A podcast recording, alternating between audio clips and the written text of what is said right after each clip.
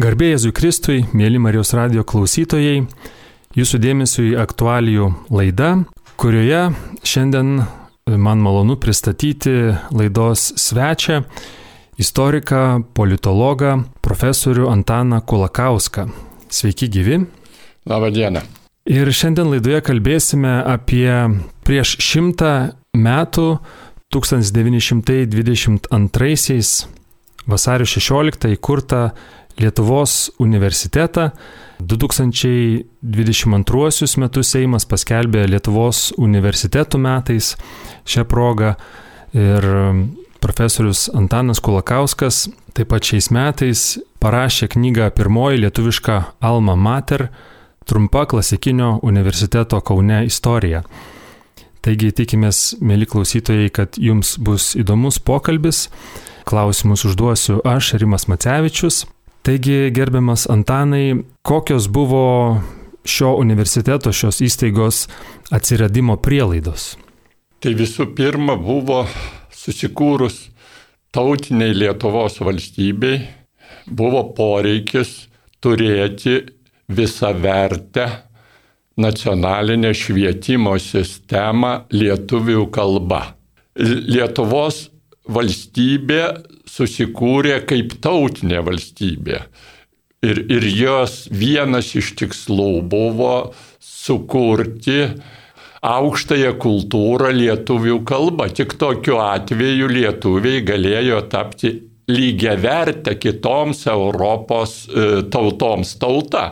Iki tol jie buvo kaip tautinė mažuma, nu pati didžiausia etinės Lietuvos teritorijoje, bet, bet e, aukštųjų kultūrų vaidmenį čia atliko e, kultūros, kurios funkcionavo kitom kalbom. Tai valdžia, caro valdžia, žinoma, brauko rusų kalbą, bet rusų kalba kalbėjo, aišku, tik valdininkai kasdien, kitaip sakant, nedidelė dalis gyventojų, nu ir dalis gyventojų, dalis gyventojų žydų viešumoje naudojo irgi rusų kalbą, nors tarpusavį dauguma jų kalbėjo, žinoma, žydiš kalba, o vietos elito dauguma kalbėjo lenkiškai. Ir dalis lietuvių taip pat buvo, kaip čia sakyti, ne, nebuvo šimtų procentų nusiteikę, kad reikia, kad Lietuva atskira, Lietuva kaip lietuviška valstybė gali įsitvirtinti. Bet žinoma, tokių buvo mažuma kai valstybė vis dėlto įsikūrė apie, ir būtent apie 22 metus tapo aišku, kad ko gero tai ne vienadienis projektas, kuris greitai žlugs dėl vienokio ar kitokių priežasčių. 22 metais prasidėjo jau tarptautinis pripažinimas Lietuvos valstybės. Tai va, Ir lietuviai šiuo atveju sekė kaimynais - latviais, estais, suomiais, kurie niekada iki tol neturėjo savų valstybių, tapo, sukūrė nepriklausomas tautinės valstybės ir, ir Estijoje universitetas veikė jau iki, 20, iki 22 metų, nes estam reikėjo, kaip čia sakyti, pertvarkyti iki tol veikusi niekada neuždaryta, nu karo metais jo veikla buvo sutrikusi pirmojo pasaulinio karo metais rusiškai vokišką universitetą. Latvija e, e, Rygoje veikia e, nuo 20, 20 amžiaus pradžioje rusiškas politechnikos institutas, aukštoji mokykla, nuo kurią irgi reikėjo paversti latviškų universitetų ir tai buvo padaryta. Lietuvoje reikėjo viską daryti iš naujo, nes jokios aukštosios mokyklos po to, kai XIX amžiui prieš 80 iš esmės metų buvo uždarytas Vilniaus universitetas ir jo pagrindu po jo uždarimo veikusios kurį laiką e, dvi atskiros aukštosios e, mokyklos. Medicinos chirurgijos akademija ir Romos katalikų dvasinė akademija, tai tas bet jos e, buvo uždarytos, tiesa, dvasinė akademija buvo perkelta į Peterburgą, lietuviai vadino Petrapiliu, ir ten lietuvių profesorių buvo, įskaitant ir visiems žinoma Maironį, profesoriavusi ten. Bet ir Vilniaus universitetas cariniai Rusijoje veikė kalbos požiūrių kaip lenkiška aukštoji mokykla. Taip jau po jo uždarimo, va tos mokyklos turėjo būti dėstoma rusų kalba ir akademijose buvusiose. Bet pusė dalykų dėstama buvo iš, iš inercijos dar ir, ir, ir lenkų kalba. Tai lietuviai, žinoma, nuo pat tų laikų, kai atsirado etninių lietuvių tautinis sąjūdis, kurio, ko gero, mm, kaip čia sakyti, tėvu ar seneliu galima vadinti Simoną Daukantą, e, suvokė, kad be savo švietimo sistemos funkcionuojančios lietuvių kalba, e, lietuviai kaip tauta, etninė tauta, lietuvių kalba kalbanti tauta bus priversta pamažu išnykti. Taip atsitiko su daugeliu Europos tautų ir rytuose, ir vakaruose, arba jos liko folklorinės tautos. Tai, tai va, XIX amžiaus vidury jaunas poetas ir tik baigęs Varnių kunigų seminariją, besiruošantis važiuoti studijuoti į Peterburgo dvasinę akademiją, Anikštienas, Antanas Baranauskas, kalbėdamas apie Lietuvos perspektyvas ir žiūrėdamas, čia, kokios čia yra tendencijos ir, va, e, kaip čia sakyt, gerai įsijautęs į Varniuose iki tol buvusio, nors neseniai e, Simono Daukanto nuostatas ir linija, parašė tokią poemą, kurios viena iš eilučių skamba taip. E, vienas iš tulpelių. Visos vieto mokslus lietuviam paduosiu, visos vieto raštus, knygas lietuviškan versiu, lietuvnykai žmonės bus visi galvočiais, visam svietui, visos mokslos eis kelio vedžiotų. Va čia tos eilutės parašytos 1858 metais, kai Lietuvoje nėra ne vienos normalios lietuviškos pradžios mokyklos. O lietuviai... Pranašinga, vis, pranašiška eilutė. Vis taip, vis, vis, visos mokslos visam svietui. Na, nu, žinoma, visos mokslos ir visam svietui lietuviai kelio nevedžioja, bet daugeliu kelių šiandien vaikšto mokslo kelių ir kaip lygų su lygiais, kitaip sakant, mm, e, sprendžia. Tai aišku, šie laikai yra šiek tiek e, kitokie laikai, nes visų pirma reikėjo sukurti kitas švietimo grandis, pradžios mokyklą normaliai funkcionuojančią, vidurinę mokyklą lietuvių kalba, juk nebuvo ne vienos iki nepriklausomybės. Bet kita vertus, tokios mokyklos normaliai veikti negali, jeigu nebus mokytojų, o mokytojams ruošti, gimnazijų mokytojams ruošti reikia, žinoma, aukštosios, aukštosios mokyklos. mokyklos. Tai lietuviško universiteto įsteigimas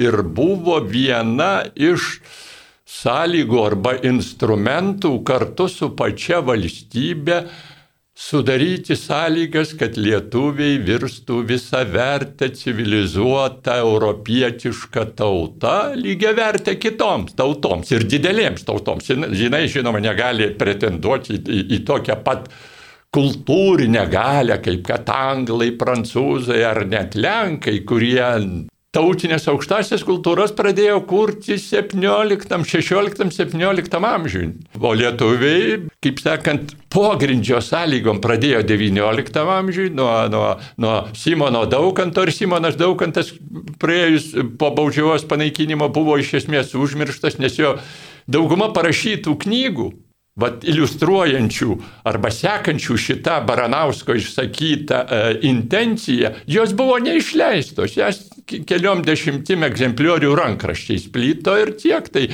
jau aušros laikais jas atrado iš naujo, jau Basanavičiaus kartos, Mykolo Biržiško kartos žmonės, nu, jau Tie, o tie žmonės ir kūrė e, tą lietuvišką universitetą. Tai, aišku, pats pirmas variantas turėjo būti Vilniui kūriamas lietuviškas universitetas.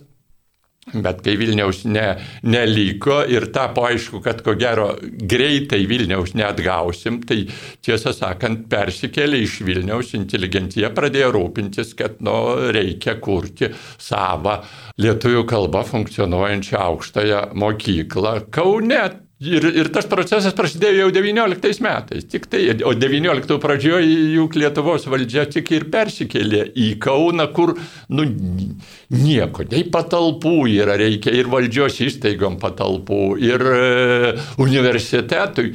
Vilniui yra senieji universiteto, liko senieji universiteto rūmai, kuriuos jau e, Lietuvos vyriausybė 18 pabaigoje buvo atgavusi iš, iš okupacinės vokiečių valdžios. Čia buvo biblioteka likusi nuo senojo Vilniaus universiteto, nu ir jinai buvo rimta e, biblioteka, kad ir XIX amžiaus antroji pusė, XX amžiaus pradžioje joje buvo nu, kaupiamos knygos. Tai čia buvo pagrindas universiteto, o Kaune biblioteka irgi reikėjo kurti iš esmės nuo nulio, nieko nebuvo. Projektas buvo parengtas jau XIX metais ir pirmus muikų beje grojo matematikas Zigmas Žemaitis.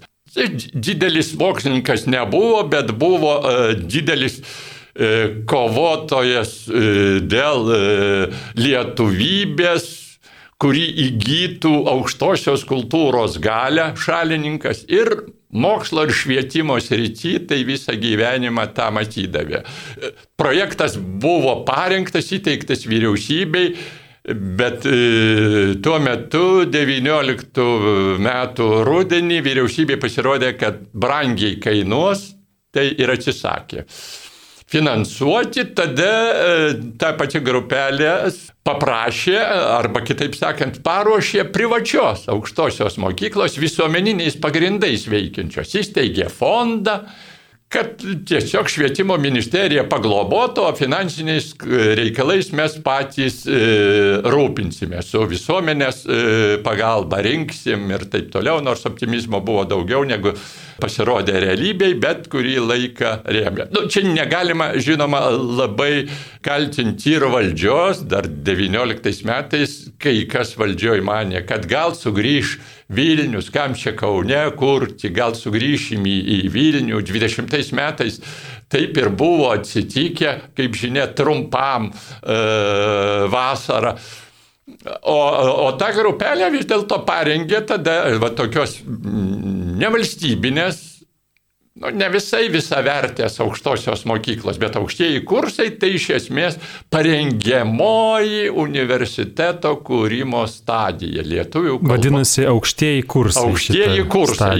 Jų, juose studijos numatytos tris metus. Taip, ir ši aukštoji lietuvių mokykla 22 metais vasario 16 tapo Lietuvos universitetu. Jeigu formaliai žiūrėti, tai e, universitetas susikūrė šito, šito aukštųjų kursų pagrindu, bet teisiniu požiūriu juridiškai kuriama buvo kaip nauja aukštoji mokykla, tarsi nuo nulio, nors absoliuti dauguma dėstytojų dėščiusių aukštuosiuose kursuose ir virš 90 procentų studentų aukštųjų kursų, o jau buvo trečius metus pradėję, tapo universiteto studentais. Kitaip sakant, universitetas pradėjo turėdamas jau trečio kurso studentus, ne nuo, ne nuo pirmo, nuo pirmo kurso, skirtingai negu 89 metais atkurtas Vytauto didžiojo universitetas, kuris nuo nulio. Čia, kitaip sakant, de facto žinoma šitų aukštųjų kursų pagrindų susikūrė e, Lietuvos aukštoji mokykla, nors buvo ir organizacinės grupės sukurtos, kurios turėjo parengti e, studijų programas kiekvienam fakultetui. Ir nuo rudens jau 22 metų universitetas pradėjo normaliai funkcionuoti. Kokie fakultetai veikia jame nuo pat pradžių? Fakultetai buvo uh, tokie teologijos, filosofijos, dėl kurio rengiant statutą buvo daugiausia ginčių, nes uh, kairiešiams atrodė, kad nu negerai universitete, kuris gauna plačią autonomiją, veiks pagal kitus principus egzistuojantis e, fakultetas, nes jis turės vadovautis kanonų teisė, žinoma, turės gauti bažnytinės valdžios palaiminimą, nu ir kaip žinia, galų gale, kad įgyti tarptautinį pripažinimą reikia gauti ir e, Vatikano palaiminimą tokiem e, fakultetam veikti. Kai kam atrodė, kad jis gal turi būti tik tai teologijos fakultetas ir nepretenduoti ten į kitus socialinius ir humanitarinius mokslus. Nu, filosofija tai plačiai suvokiama filosofija buvo kaip vakaruose, kad filosofijos daktaras tai filosofijos daktarai, tai ką šiandien Lietuvoje vadiname ir humanitarinių mokslų daktarai, ir socialinių mokslų daktarai, žodžiu, e, plačiaja prasme, bet reikalas tas, kad buvo kalbos, koks universitetas turi būti. Ar pasaulietinis, ar katalikiškas. Katalikiško universiteto Europoje buvo daug, kur jie turėjo ir technikos fakultetus, ir, ir gamtos, ir, ir kitokius. Tik tai nu, pasaulyje žiūrinis vadovavimas jis yra kitoks. Juk tik tai, nu, bet kai kuriem radikalam atrodė, kad nesuderinami dalykai. Nors, nors daugeliu atveju nu, čia vyksta, kaip čia sakyti, kova dėl įtakos, dėl, nu, kaip ir visada politikoje tie, tie dalykai vyksta. Tai be teologijos filosofijos fakulteto buvo humanitarinių mokslų fakultetas, buvo teisės fakultetas su ekonomikos skyrium. Iš pradžių ten pagal 22 jis vadinosi socialinių mokslų, bet vėliau teisės fakultetas, teisės su ekonomikos skyriumi prie jo. Toliau matematikos gamtos fakultetas arba ar gamtos matematikos, jau dabar tiksliai nepamenu, su, sudubliuotas technikos mokslų fakultetas ir e, medicinos fakultetas. Tai va tokie fakultetai buvo, tai profesūros netrūko, žinoma, teologijos, filosofijos fakultetui pat pradžių, iš esmės ir humanitarinių mokslų fakultetui netrūko, gamtos matematikos fakultete matematikos disciplinom dėstyti. Nu, teko kvieštis ir iš užsienio daugelį ten dalykų, arba pagrindinius kai kurios matematikos dalykus dėstė iš karaliaučiaus pasikviestas Folk. Vokietis, bet tuo metu, tiesą sakant, vat, kai atrodė lietuviškas universitetas, buvo kritika, kad nu kas į tą lietuvišką universitetą stos. Kaimiečiai lietuviai neturtingi, pusė iš jų neraštingi, o nepriklausoma Lietuva atgavos su nu, pusiau neraštinga. Va čia jau labai nusileido Latvijai ir Estijai, kur 80 procentų žmonių jau XIX amžiui buvo raštingi. O Lietuvoje tik tai pusė.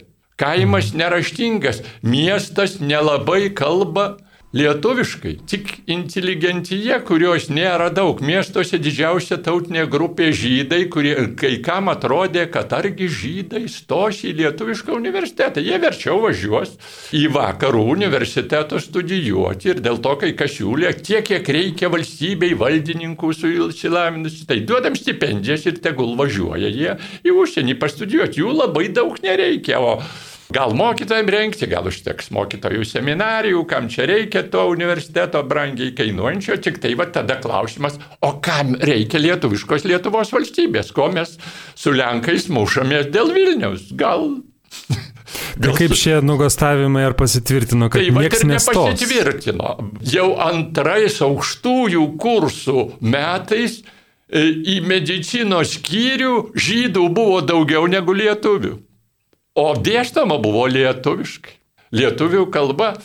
Tai šitas klausimas greitai atpuolė, kai, kai paskelbė paieškas Europoje, kas gali čia važiuoti, atsirado norinčių, kurie sutiko su sąlyga, kuri dabar daugeliui būtų visiškai nesuprantama, kad kviečiame susieniečius dirbti profesoriais, dėstytojais į Lietuvos universitetą, keldami sąlygą, kad po dviejų metų jie turi išmokti lietuviškai ir pradėti dėstyti e, lietuvių kalbą. Iki tol gali dėstyti ten e, e, vokiškai, kaip tuo metu įprasta, prancūziškai priklausant, net nu, gimnazijas baigusieji šitas kalbas e, Lietuvoje moka. Kai, kai kam leisdavo ir rusiškai, rusų kalba dar e, mokanti buvo, nes e, važiavo rusų emigrantai iš bolševikinės Rusijos, kurie pabėgė gana uh, garsus žmonės, pavyzdžiui,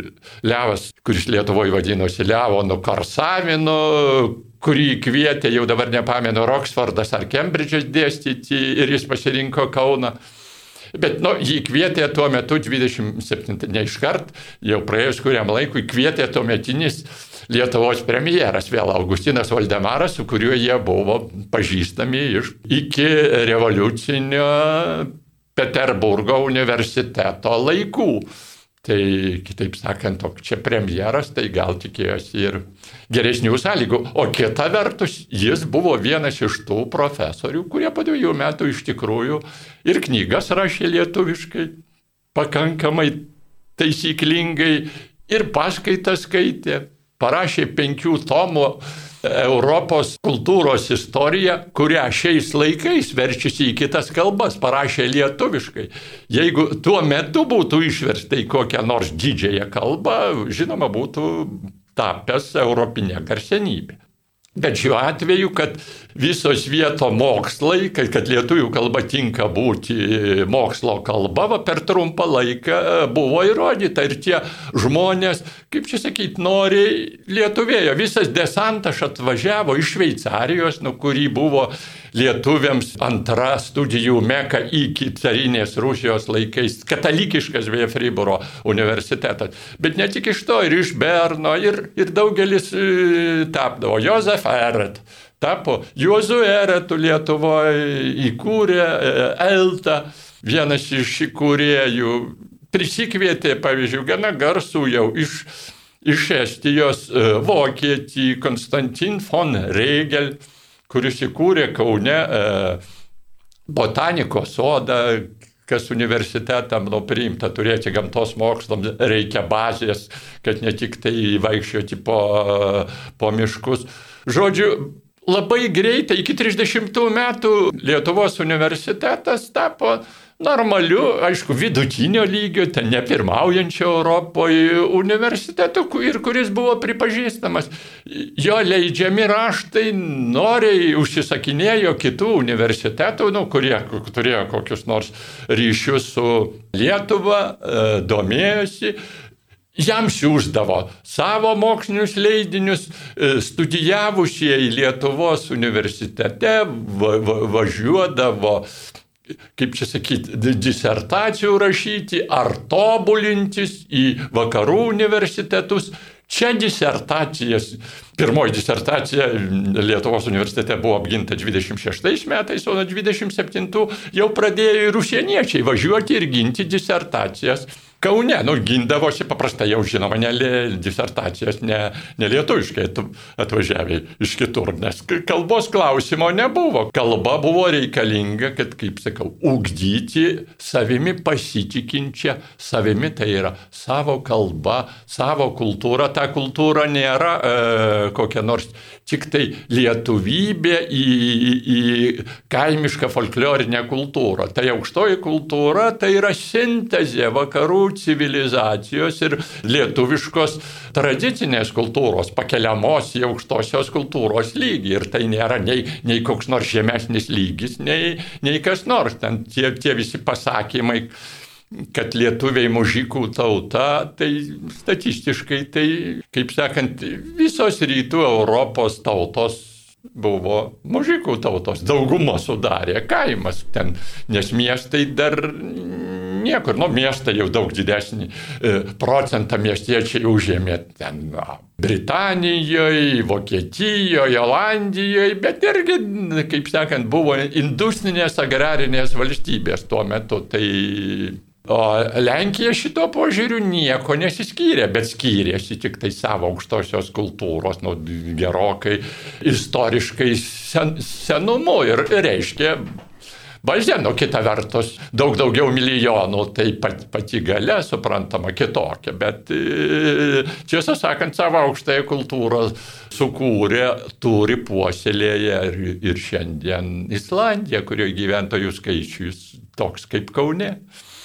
Taip, tai jūs minėjot, kad iki 1930 metų Lietuvos universitetas sugebėjo tapti normalia, funkcionuojančia, rezultatus rodančia aukštąją mokyklą. Kaip tik tais pačiais metais buvo pavadintas Vytauto didžiojo universitetu. Taip. Š, šis universitetas. Kokia buvo tolimesnė raida iki, iki okupacijos, kaip okupacijos metais vyko universiteto veikla?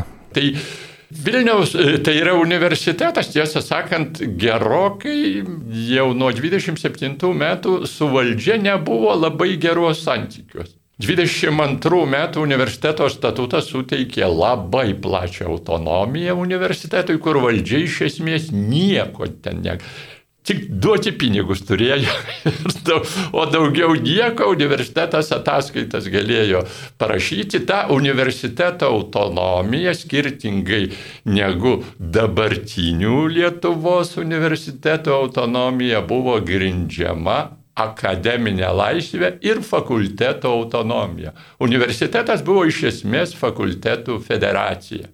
Kiekvienas fakultetas savo mokslo ir mokymo reikalus spręsdavo savarankiškai. Dėl to ir va tas ginčas tarp teologų ir kitų neturi didesnės prasmės, nes teologai sprendžia teologijos filosofijos fakultete savus klausimus, kad ir šiek tiek kitais principais, o humanitarinių mokslo fakultete kitus klausimus. O, o universiteto mastu tik tai, kaip čia sakyti, yra tarpininkas tarp universiteto bendruomenės ir, ir valdžios. Ir iš pradžių iki 30 metų, beje, universiteto rektoriai buvo renkami vieniems metams. Nuo 33 metams. Per visą to tarpukario laikotarpį vienas teologas, tas pats mano minėtas Pranciškus Bučys, yra buvęs universiteto rektorium. Antruoju būtent universiteto rektorium. 24-25 metais. Tai va, Bet e, valdžia e, spaudė ir jau, nu, bet e, principų pačių vis dėlto nepakeitė. Universiteto autonomijos nelikvidavo, akademinė laisvė universiteto viduje ir profesūros galvose svarbiausia buvo, ko, kaip aš sakau, nėra daugeliu atveju dabar. Tai po sovietmečio jinai ir neatsirado dėje. vieno kito daugumo. O tuo metu kažkaip jinai buvo. Ir, nu, ir valdžia apsiribojo, kaip čia sakyti, kontrole. Bet ta kontrolė netgi nebuvo labai įkyri. Taip kad universiteto mokslui ir studijų procesui didesnės reikšmės labai neturėjo.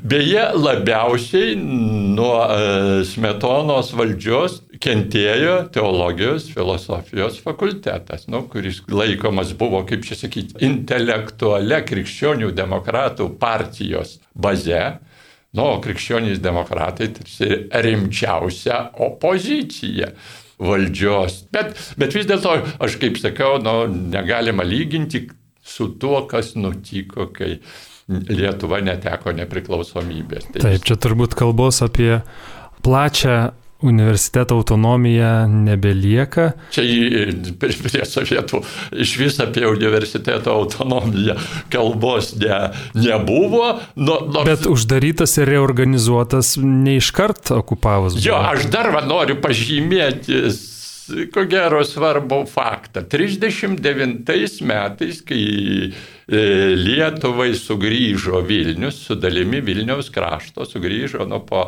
sunaikintos e, Lenkijos ar okupuotos ir dviejų valstybių pasidalintos Lenkijos, Lietuvai sugrįžo iš sovietų rankų. Va ir buvo sprendžiami, o Vilniuje veikė Lenkiškas Stepono Batoro universitetas, kurį kai Lietuva nesu, nesu nu, atkūrė Lenkai vietos, e, Lenkų bendruomenė. Jis buvo valstybinis universitetas. E, Lenkijos valstybės nėra, Lietuvos valstybė susigražinta Vilnių laiko teisėtai savo sugrįžusią dalimi. Ja, tada iškylo klausimas, ką, ką daryti. Vilniui reikia lietuviško universiteto. Nu, dviem universitetam visą verčiam. Ir dar jeigu palikti lenkišką, nu kur jau ne, neturi Lietuva tiek pinigų.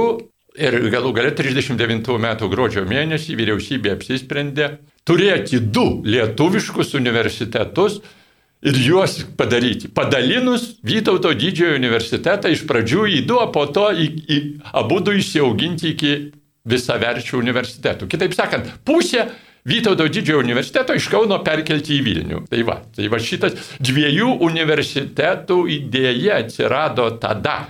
Ne tai, kad perkelti visą e, iš Kauno universitetą atgal į Vilnių, kaip kad daug kas čia mane ir iki šiol norėdavo teikti, o du turi būti du Lietuvai universitetai, kaip paskutinis Vytauto didžiojo nepriklausomos, tos anos Lietuvos nepriklausomos rektorius, tas pats Tašys Šalkauskis sakė, Lietuvai 39 karo sąlygomis gal du universitetai ir bus našta, bet perspektyvoje po dešimt metų mums gal reikės dar daugiau negu dviejų universitetų. Tai šita prasme buvo toleregiškai aš sakyčiau, ir išmintingai pasielgta.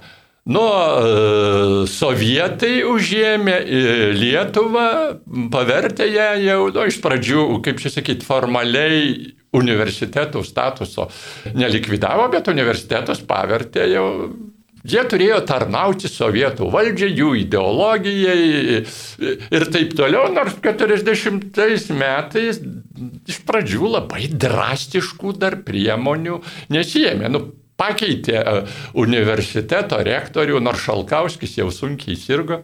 Ir jį pakeitė, kaip sakant, Šalkauskio prorektoriumi. Tai dar ne, iš, iš, technikos mokslo fakulteto, Purienų.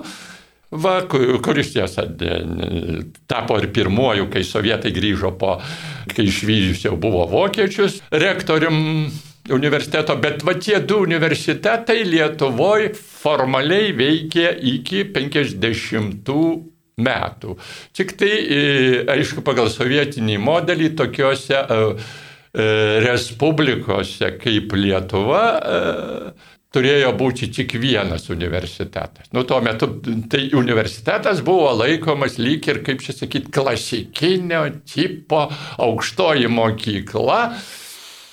Nors tas jos klasikinis tipas nedaug kuo skyrėsi nuo kitų specializuotų aukštųjų mokyklų, O šiaip jau ir vienos, ir kitos teikia aukštą išsilavinimą, tarsi išsilavinimo požiūrių vienodas lygis, bet nu, universitetai vis tiek tarsi reprezentavo, kaip čia sakyti, Respublikos kultūrą, tai jau to reprezentanto vaidmuo, nu savaime aišku, jeigu jau vienas, tai buvo suteiktas, žinoma, e, Vilniaus universitetui. Tai šita, bet ne 40 metais, 40 metais tie Na, dar formalus ir atsiskyrimas buvo nedidelis. Daugeliu atveju daugelis profesorių važinėdavo traukinuku iš Vilniaus į Kauną.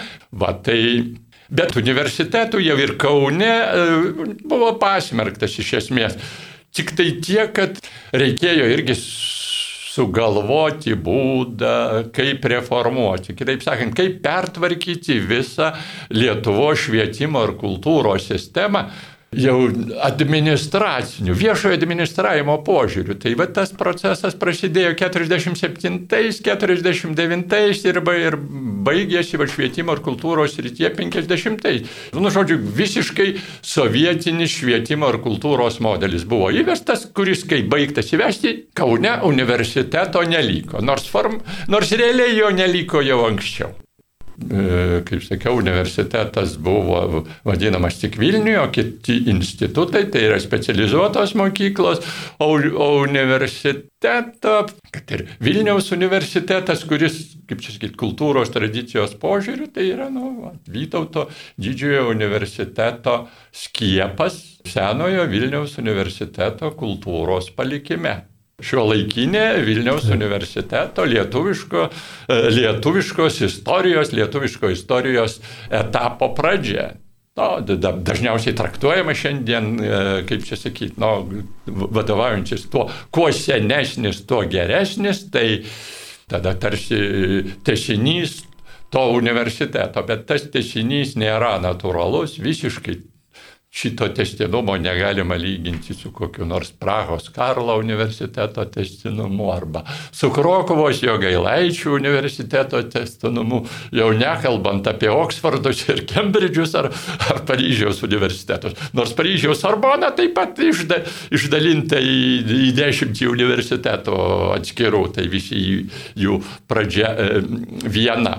Bet Kaunas visada jautėsi nuskriaustas kad kai nėra universiteto sovietiniais metais. Seimas paskelbė šiuos metus Lietuvos universitetų metais ir laidos pabaigai norėtųsi paklausti ir paprašyti jūsų pasvarstymo, ką galėtų duoti ši sukaktis, kokį akstiną postumį Lietuvos visuomeniai ir akademiniai bendruomeniai. E, aš tiesą sakant, tokį labai trumpą pabaigos žodį parašiau šitai knygai, nes paskutinis skirelis vadinasi postscriptum ir jis yra ne istorija, o politikos analizė, leidau savo kaip politologas pasvarstyti. Tiesa, anksčiau skelbto straipsnio e, pagrindų, naudojant viešosios politikos ir viešojo, e, viešojo administravimo analizės e, principus. Tiesa, juos, aišku, tokio knygelį supopuliarindamas, tai e, šitą prasme, nu, nors aš, kaip sakau, čia daugelio atveju nusi, nusiteikęs ir, e, ir kritiškai, bet kritiškai e, pozityviai, kitaip sakant, vis tiek niekiek e, neabejodamas, kad tai, kas padaryta, kad pagrindai yra, kad sukurtos galimybės toliau plėtoti šitą, tik tai reikia, vad, atsigręžti ir į patirtį anų laikų. Bet šitą knygą norėjusi, nors faktografija, kas dėstė, kokios katedros buvo surašytos, o principai, kuriais veikė Anas universitetas, šiandien nežinomi, nu arba ignoruojami. Tai vad, jie nepaseno. Daugeliu atveju juos, juos nesunkiai galima uh, pritaikyti. Be, beje, pa, pačiam pirmajam Lietuvos mokslo ir studijų įstatymė 91 metais priimtame, jie buvo įrašyti. O, o dėje toliau įstatymą tobulinant, tobulinama buvo, mano supratimu, ne į tą galą. Bet jau čia, kaip sakau, e, kitas klausimas, nes čia ir finansavimo dalykai sprendžiami. Anas universitetas buvo pirmiausia mokslo įstaiga, o po to mokslinimo. O pas mus atvirkščiai, ministrė va ir dabar linkė šimtmečio progą kalboje, sako, pirmiausia studijų o po to mokslo. Ir tai yra principinis skirtumas nuo vakarų universitetų. Norima mokytis tik iš to, kas tais laikais buvo bandoma daryti, bet nelabai pasisekė. Stiprinti kontrolę, o kontroliuoja tie, kurie nelabai išmano tą dalyką, kurį kontroliuoja. Tai kai kontrolieriai nelabai išmano to dalyko, tai iš tos kontrolės nieko išskyrus, kaip čia sakyti, trukdžius nesigauna daugeliu atveju. E, ir šituo atveju valdžiai atrodo, kad kuo mažiau universitetų, tai yra kuo didesni, tuo geriau. Nu, nieko prieš, jeigu gražinti tokį patį universiteto modelį, koks buvo prieš karą. Prieš karą anoj nepriklausomoje Lietuvoje, kur autonomiški. Kai sujungtumėm dabar, pavyzdžiui, visus Kauno universitetus į vieną, tai patogiau tik valdžiai, visiems mokslininkam būtų Daug nepatogiau, daug didesnė biurokratija, daug sunkiau priklausoma aukščiausia administracija, nuo kurios viskas priklauso. Anam universitete administracija buvo tarnas. Dabar Dėstytojai yra dažnai, kaip sakant, nu, nurodymų, administracijos nurodymų vykdytojai. Tai administracija nu, ne visada e, žino tuos dalykus. Man visada atrodė, buvau senato narys, bet kai senatas svarsto, e, aš būdamas istorikas turiu balsuoti ir politologas turiu balsuoti e, ir tvirtinti fizikos fakulteto kažkokios disciplinos programą, kurioje, nu, Nu nieko aš neišmanau. Nu reikia tokių, tokių dalykų, kur, kaip sakant, iš 50 balsuojančių žmonių penki ar dešimt išmano, likusieji neišmano, bet balsuoja. Tai nu, čia nu, neracionalus, neracionalus dalykas, reikia pasitikėti kolegom. Kitaip sakant, palikti tai jau tam fakultetui ir taip toliau. Vat jau kiek ko reikia čia Lietuvos valstybei. Tai čia turėtų spręsti vėl atitinkamai ne tik ministerijos, bet ir iš akademinės bendruomenės sudarytos tarybos, pačių išsirinktos. Nes ministrai keičiasi, nespėjo apšilti kojų, žiūrėk kitas ir, ir vėl nuo nulio, jis dviejus metus susipažįsta su ministerija, kol ką nors pradeda daryti, pasibaigia jo, jo kadencija, kitas ateina ir, ir, ir va tas administracinis valdymo modelis yra paprasčiausiai neracionalus. Tai ir, ir vėl vat, kažkodėl nemato, kad kokius nors aukščiausius filosofijos kriterijus ar sociologijos kriterijus Amerikoje nenustato nei ten ministerijos, nei kas nors, o Amerikos sociologų draugija, Amerikos filosofų dažnai ne vieni kitaip patys jau kiek ką finansuoti. Be to mes vat niekaip nesugebam, dažnai sekdami Amerikos ir, ir Britanijos modeliais, nesugebam. Mūsų beveik visos aukštosios mokyklos yra valstybinės. Amerikoje dauguma ir visos tos, kurias linksniuojam, beveik visos jos yra privačios. Tai yra privataus universiteto valdymo modelis yra vienas dalykas, nes tada tie, kurie duoda pinigus, jie žinoma turi kitokią teisę, o valstybė, kuri dalyja visų pinigus, valstybė. Valstybės tapatinti su valdininkais nu, ne, nevertėtų. Valstybė visi mes. Ir valstybiniai universitetai yra e, visų uh, mūsų. Tik tai, kad mokslo reikalai Mokslas sėkmingai vystomas esant akademiniai arba mokslo laisviai. Nieks, e, nieks be mokslininkų tos ryties profesionalų pasakyti, kaip jį reikia vystyti, rimtai ir kvalifikuotai negali, nes kai pradeda tokie sakyti, tai atsiranda visokių prisitaikėlių. Tai tokia pozityvi kritika labai tinka laidos pabaigai. Daugiau autonomijos, daugiau specialistų valios ir, ir mokslininkų ir, valios. Ir apskritai daugiau uh, demokratijos.